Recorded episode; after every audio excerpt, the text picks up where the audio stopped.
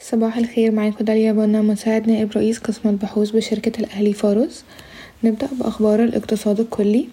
تراجع الجنيه من جديد في تعاملات العقود الآجلة غير القابلة للتسليم لمدة اتناشر شهر لتسجل ما يتراوح بين سبعة وتلاتين فاصل تسعة لتمانية وتلاتين جنيه للدولار بحسب بيانات نقلتها وكالة بلومبرج.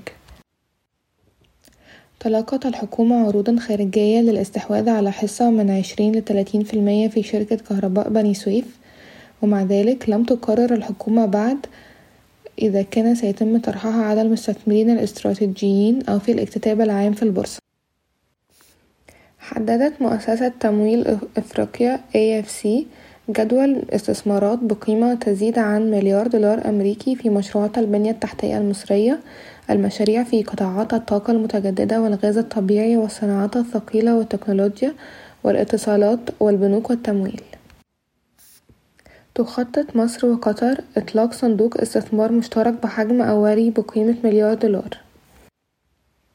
تستهدف هيئة قناة السويس زيادة عائدات القناة من تمانية مليار دولار أمريكي في عام عشرين اتنين وعشرين إلى تسعة مليار دولار أمريكي في عام عشرين تلاتة وعشرين بزيادة قدرها اتناشر فاصل خمسة في المية على أساس سنوي.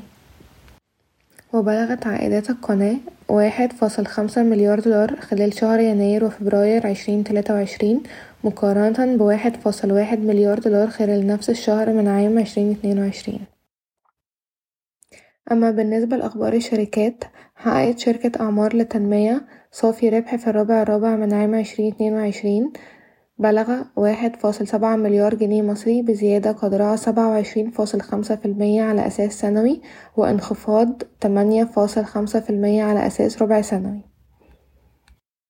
مما رفع أرباح السنة المالية عشرين اتنين وعشرين إلى ستة فاصل ستة مليار جنيه مصري بزيادة قدرها تسعة وخمسين فاصل تلاتة في المية على أساس سنوي. حققت شركة رميدة العاشر من رمضان للصناعات الدوائية. صافي ربح في عام عشرين اتنين وعشرين بلغ ميتين تلاتة وخمسين مليون جنيه مصري بزيادة كبيرة قدرها أربعين في المية على أساس سنوي. أقل بقليل من تقديراتنا البالغة ميتين ستة وستين مليون جنيه مصري. أما بالنسبة للربع الرابع حققت الشركة أربعة وخمسين مليون جنيه مصري وهي انخفاض بنسبة ستة وعشرين فاصل تلاتة في المية على أساس سنوي وخمسة وعشرين فاصل اتنين في المية على أساس ربع سنة.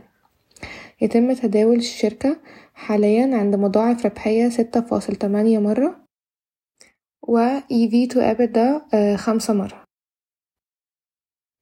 يتطلع صندوق Elevate Healthcare للاستحواذ بالكامل على نايل سكانن لابس للأشعة السريرية مقابل خمسمية مليون جنيه مصري ومن المتوقع أن تغلق الشركة الصفقة في أبريل.